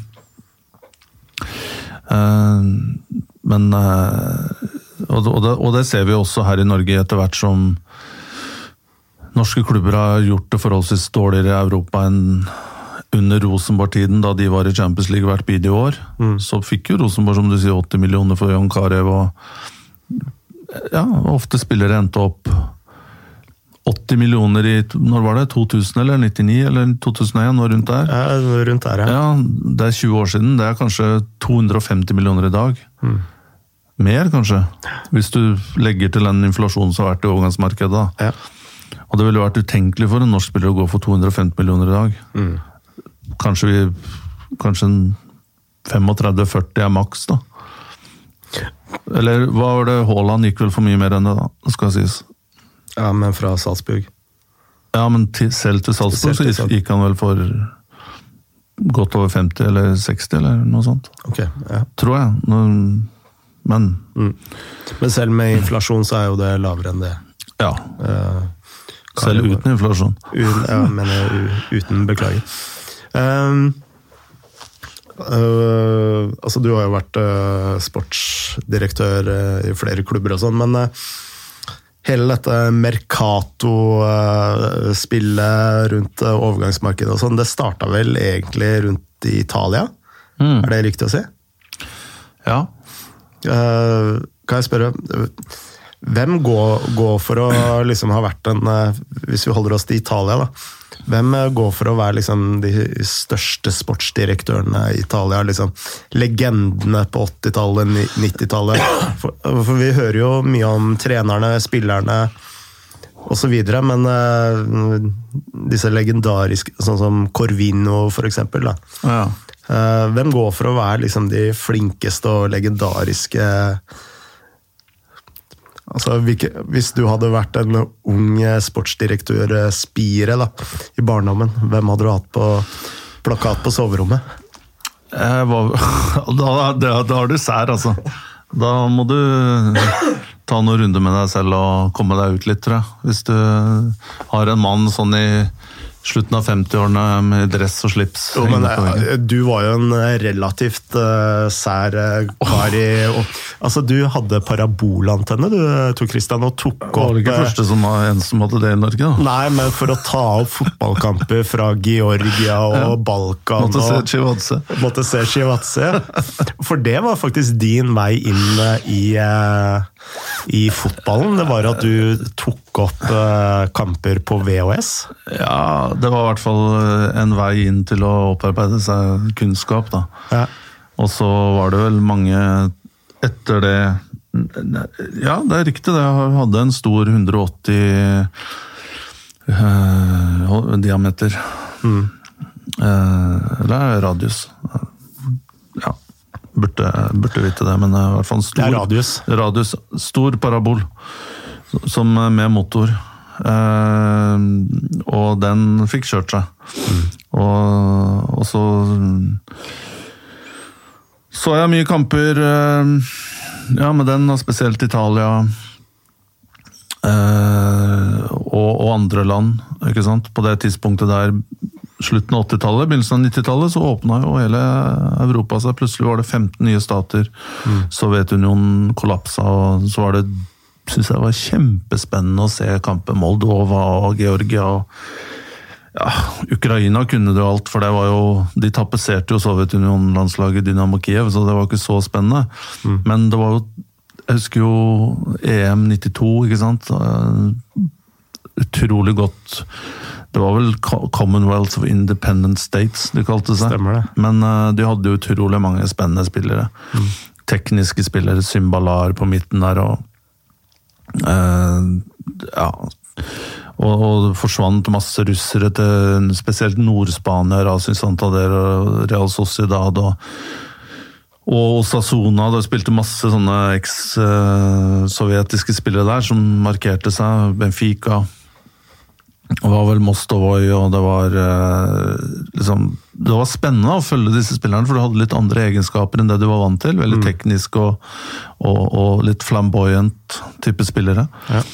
Så jeg plukka opp mye Satte meg veldig mye inn i, i, i fotballen der i Øst-Europa. Fikk en del kontakter og venner også som hadde ekspertise der. Og Utveksla informasjon og sånne ting. De lurte på Norge. og Så, og så traff jeg til og med noen sånne karer i, i Tyskland som samla på fotballkamper da, fra hele verden. Og han ene, som dessverre døde, som het og Fred var hans minne, som het Jø- Jørgen Lehmann. Lehmann. Han bodde nær Stuttgart. Han hadde vel en samling på ah, Han måtte ha hatt Om han hadde 25 000 via VHS. Så hvis jeg trengte et eller annet, så bare ringte jeg Jørgen. Og så sendte han meg en pappeske. Eh, Sånn på slutten av 90-tallet var det her, da. Ja. Uh, og for unge lyttere, hvis du, hvis du har det, Chivadze, så, så eksisterte jo ikke videostreaming. Det, og YouTube eksisterte ikke. og uh, Internett eksisterte vel det var bare så vidt, men det var, det gikk jo dritsakte og, Ja. og sånn. Men nå Det var lang digresjon. Hva var Spørsmålet, Spørsmålet er, liksom du, Hvem går for å være liksom oh, ja, ja, tidenes ja. beste sportsdirektør? Ja, nei eh, 80-tallet skal jeg ikke uttale meg så altfor mye om, fordi eh, Jeg var jo, ble jo 15 år i 90, så det er på en måte sugde til meg italiensk fotball og sånt på på 80-tallet er jo ikke så liksom, sett med de analytiske øynene der, men jeg vil jo si, jeg var jo en stor fan av, eller ble da, Sampdoria. Og de bygde jo et helt fantastisk lag som pika sånn i 90, 91, 92. Mm. Champions League-finale var vel 92. Det var med. Vialli. Manzini, Ja. Lombardo. ja. Eh, og det laget det disintegrerte jo etter den finalen, og Vialli og Lombardi gikk vel til Juventus. og eh, Mancini ble jo igjen, og så holdt de seg sånn i toppen noen år til. men storkapitalen begynte å komme inn i fotball. Men han het Pablo Borea, husker jeg, som bygde de lagene der. Sammen med presidenten som het Pablo Paolo Mantovani. Eh, og de gjorde jo et fantastisk håndverk, for de fant jo landslagsspillere hele tida og, og solgte etter hvert for profitt, da. Og så er det jo Galliani, eh, der, den skal jo ikke undervurderes, det heller. Hva Galliani fikk til sammen med Berlusconi og bygde det store Milan. Laget der på 90-tallet.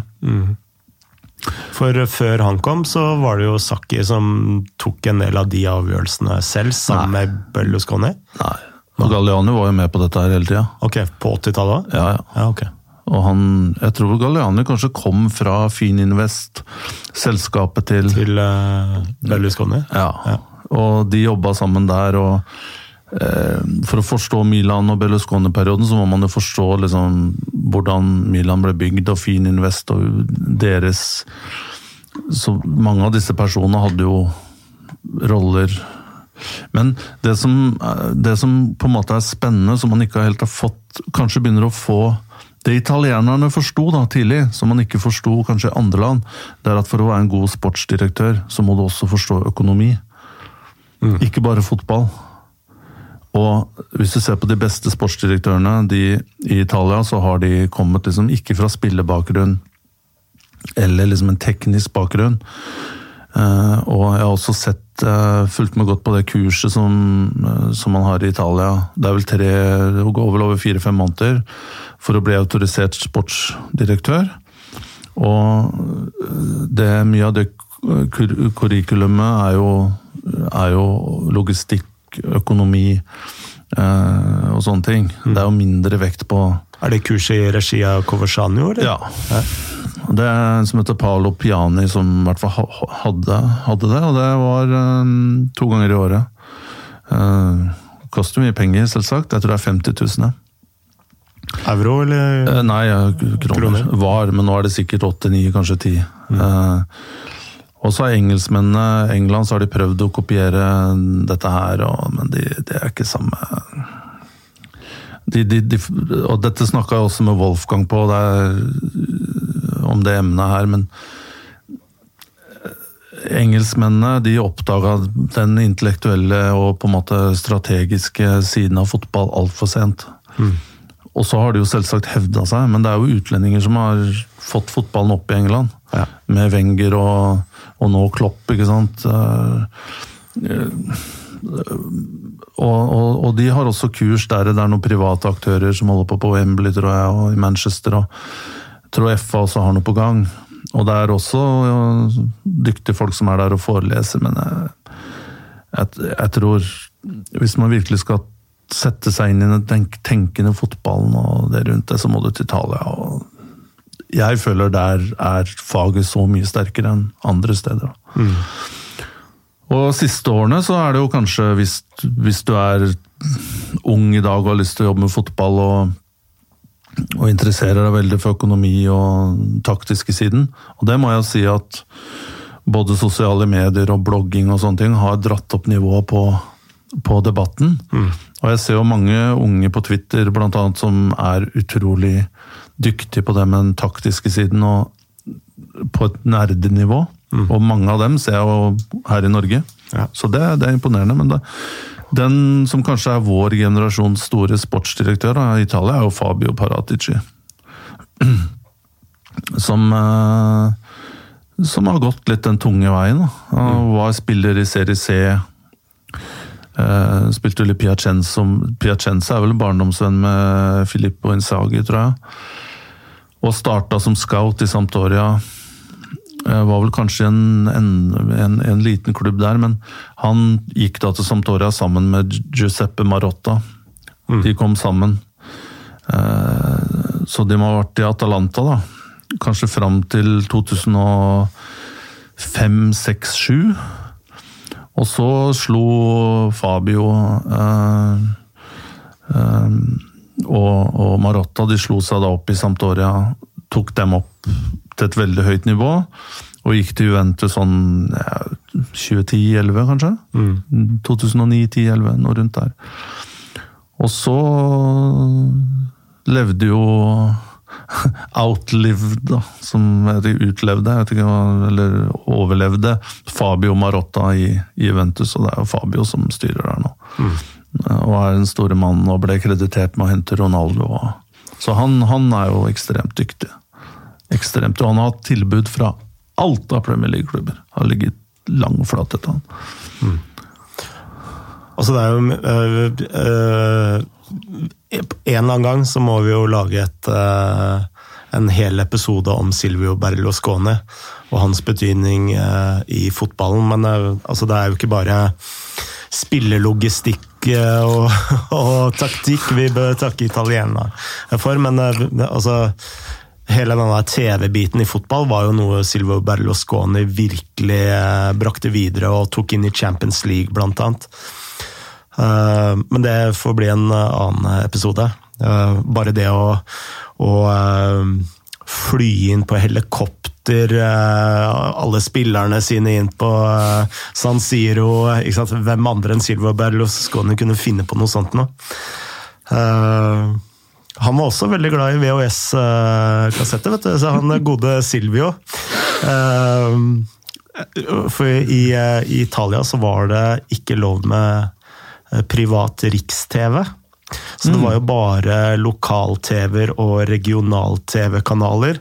Så måten han løste det på, det var å kjøpe opp alle lokal-TV-kanalene rundt omkring i, i, landet. Og så bare fant han ut at eh, klokka seks eller klokka fire eller klokka to så skal den og den såpeoperaen gå samtidig overalt. Så det var hans måte å plutselig lage en eh, riks-TV-kanal. Så Italia Uno, tror jeg den het. oh ja, okay. Eller om det starta med den derre Tele Monte Carlo, og så ble det Italia Uno, tror jeg. ja, Det husker jeg ikke. Og så ble det Canale Cinque og Simen eh, Ekern har en fantastisk fantastisk bok om eh, Silvio Berlusconi. Altså, når jeg mener fantastisk, så eh, er den fantastisk fordi uh, den er ikke så dyp, men eh, den er veldig kort og lettlest. Og den er kanskje på si 100 eller 200 sider, og du leser den på en kveld. Eh, og derfor er den veldig god. Altså, du får liksom alle høydepunktene som eh, du trenger å vite om Silvio Berlusconi. Backer Simon Ekern, han er utrolig dyktig. Simen, ja. Ja, jeg kjenner han ikke, så jeg kaller han Simon Ekern.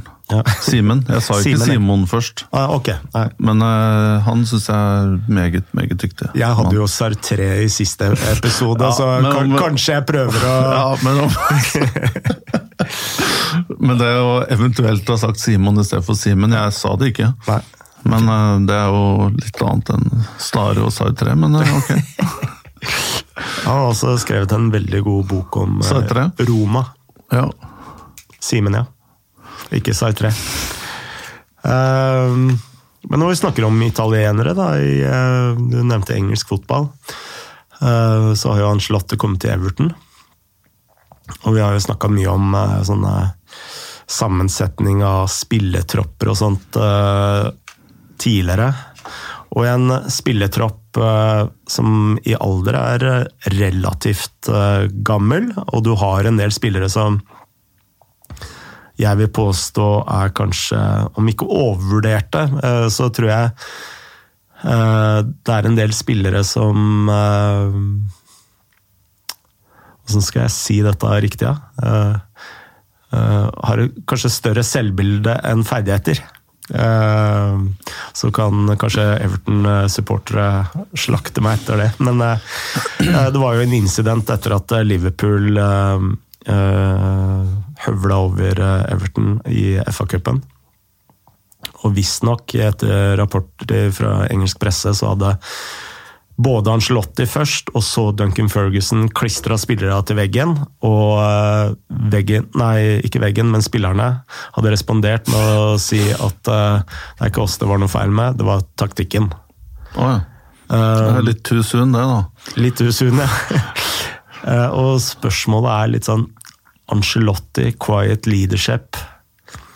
Er det liksom en match for en sånn type klubb? Altså Vi snakka om PSG, da kunne jeg ha skjønt det. Og Ancelotti gjorde det jo fantastisk i PSG. Men eh, det handler jo mer om å behandle egoer. Her skal du liksom Egor med ferdigheter, da. Everton, det er noe helt annet. Mm. hva tenker du om det? Jeg, jeg enig med deg at det er at det er At det blir spennende å se hvordan den matchen Om det er en match. Det er mange år siden Angelotti har måttet jobbe med en så u... Eh, altså en, en, spillergruppe som ikke er Altså som har relativt store navn, men kanskje ikke så store meritter. Mm. Um, og, og, selv en klubb da, med store forventninger og har også vært store omveltninger. Du er eiere eh, altså Bill Kenwright er jo da fortsatt, men det er vel han eh, Moshiri, tror jeg han heter, mm. som styrer mest av butikken der, forstår jeg. Eh, og man, man, Men med Angelotti så får man jo i hvert fall inn en, uh, en, en veldig fornuftig kar, da. Uh, som kan lære dem kanskje mye om fotball og, og, og bruke den erfaringen han, han har. men men du har et poeng her, at de, i de jobbene Angelotti har vært tidligere, så har det kanskje eh, hans remit og oppgave vært å trekke spillerne litt ned. Altså trekke det hele litt ned. Mm. Eh, slippe å kjøre passionate eh, team talks. Mm. Eh, nesten få ned motivasjonen til spillerne. For det er Real Madrid, PSG, Milan, eh, Juventus, så er det Du jobber bare med spillere som har passert filter etter filter etter filter etter filter og er krem de la krem. Mm. Mens Everton så må kanskje den siden der fram, da. og at du faktisk må jobbe mye, mye mer med disse spillerne. På alle mulige måter. Mm. Så jo et bilde her i romjula, det var, var vel et par av spillerne som var ute og spilte noe dart og, og velta noen kalde. Uh, midt i romjula. så det er jo klart at det uh, Og det var vel to landslagsspillere, så uh, Hvis det var riktig, da var et eller annet jeg så på, på sosiale medier. Og hvis, hvis, det er riktig, så er det klart at da har man en veldig lang gå, vei å gå når det gjelder disiplin og kosthold og måte og, og livsstil og sånne ting. Mm. Som du tar, som er en selvfølge for de på, på det aller ypperste nivå. Men eh, de har jo også en sportsdirektør der, Marcel Brands, som er veldig dyktig. Eh, fra PSV. Han er vel også styremedlem, tror jeg. Og var vel også i kontakt med andre store engelske klubber før han til slutt gikk til Everton. Så det er klart, man, man har jo fotballekspertise der. og folk med track record, men så spørs det hvor lang tid man får. Det, det tar tid. Sånn er det med alt. Og kanskje det det som må til der med Everton, er en revolusjon, altså en evolusjon. At det vil ta tre-fire år. Men spørsmålet er får du, de, får du den tida der. Mm. Når vi snakka om Milan eh, tidligere, så husker jeg et jeg husker ikke hvor jeg har lest den, men uh, uh, når Angelotti ble henta fra Roma til Milan, så var det en uh, diskusjon mellom Berlusconi og Sacchi, for Sacchi ville ha Angelotti. Men Milan var jo veldig tidlig på å satse på, på, leger og forskning mm. innenfor fysiologi osv. Og, og de fant ut at Angelotti hadde jo 30 bevegelseshemmelse. Mm -hmm. Eh, men, og eh, bodyfat, holdt jeg på å si. Ja, han var glad i en eh, ja. Om ikke velta kalle, så var han i hvert fall glad i pasta. ja.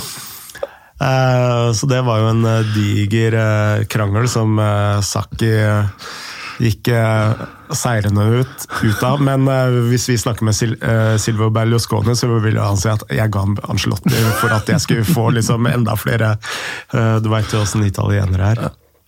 Men vi må snart runde av, men eh, før vi, eh, før vi runder av altså Jeg syns alle disse episodene våre slutter så brått. For, altså, vi snakker jo lenge, men det er så vanskelig å stoppe dem. fordi dette er jo litt som når vi møtes på kafé eller er ute og, ute og spiser, eller Og da går jo disse snakkene plutselig en hel kveld, så det er så vanskelig å avslutte. Nå får jeg i hvert fall snakke, da. Når vi sitter her.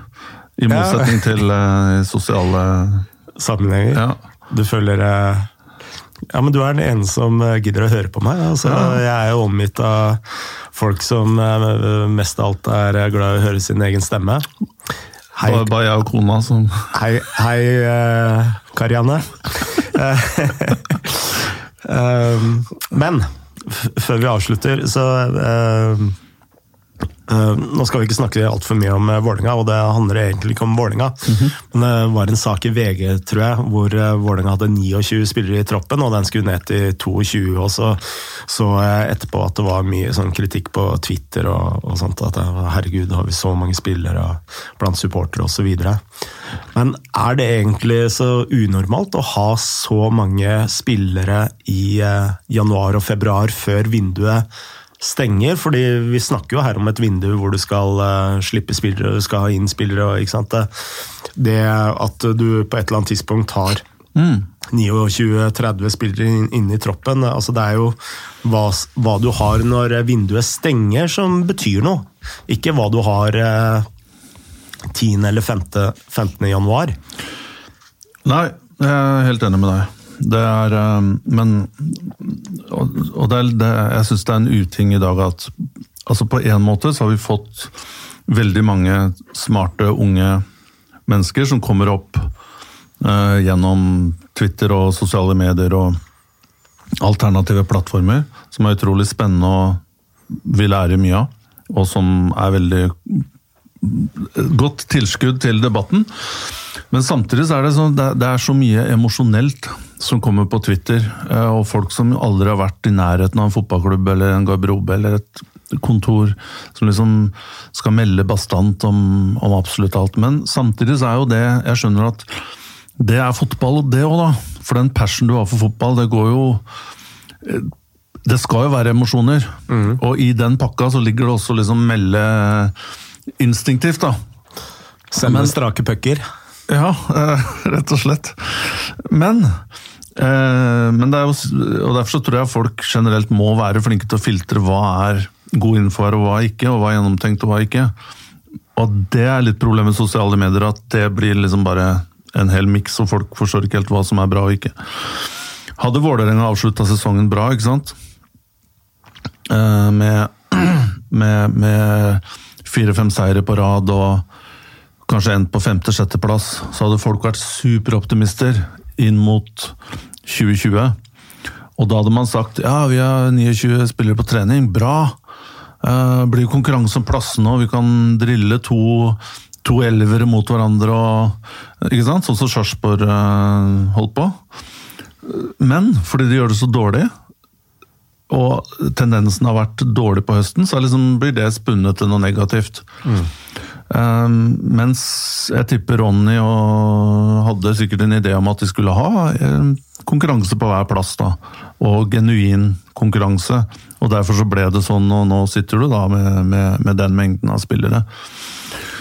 Nå gikk jo Asemi til Stabæk i går, så da er vel kanskje nede i 28. Ja, men det, var altså hvorfor, jeg, Det var en sånn overgang jeg ikke skjønte noe av. Altså Nå har du plutselig en spiss som sleit i starten. Han ble sendt på utlån og fikk virkelig fart på sakene. Nå uh, kommer han tilbake. Uh, Trenerspørsmålet er ikke avklart. Eh, burde ha hatt litt is i magen, jeg, vet ikke. Ja, jeg, jeg har jo store troa på Asemi. Og henta han Kanskje jeg er partisk, da. Men jeg han Ja, stemmer det, for du hentet han til Israel, Israel Ja, jeg kjenner han godt. og Ja, ok. Så kanskje jeg er øh, part, Det burde jeg huska på. biased her, da. Men, øh, men jeg så i hvert fall ting hos Fitim i den Tromsø-perioden som jeg ikke har sett fra han siden Bodø-Glimt. Mm. Og litt i Israel, for han var faktisk god der i det halvåret han spilte. Selv om han ikke fikk så mange sjanser. Så jeg er litt overraska at Vålerenga, som har slitt kanskje med midtspiss, midtspissplassen, Meron George, er, er borte. At ikke, som du sier, da Nå som Ronny, som tydeligvis kanskje ikke hadde så troa på han og ikke ga han så mye tillit, han er ikke der lenger. Vent, vent noen uker og se hvem som kommer, og, og, og prøv deg.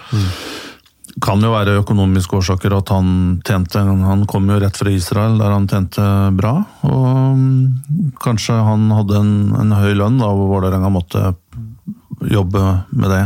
Så det kan Ja, jo være og en det må vi jo ta høyde for. Ja. At eh, han eh, kanskje er lønnsledende. Og Men jeg vil vanskelig å forestille seg at han fikk At Stabæk matcha liksom som akkurat det økonomiske aspektet, men jeg vet ikke noe om det, så jeg skal ikke uttale meg om det. Men, men uh, i tillegg så har Semi har gått. Cavallo er ikke med i planene, det er opplagt. Så han kommer ikke til å bli, og det finner de sikkert en løsning på.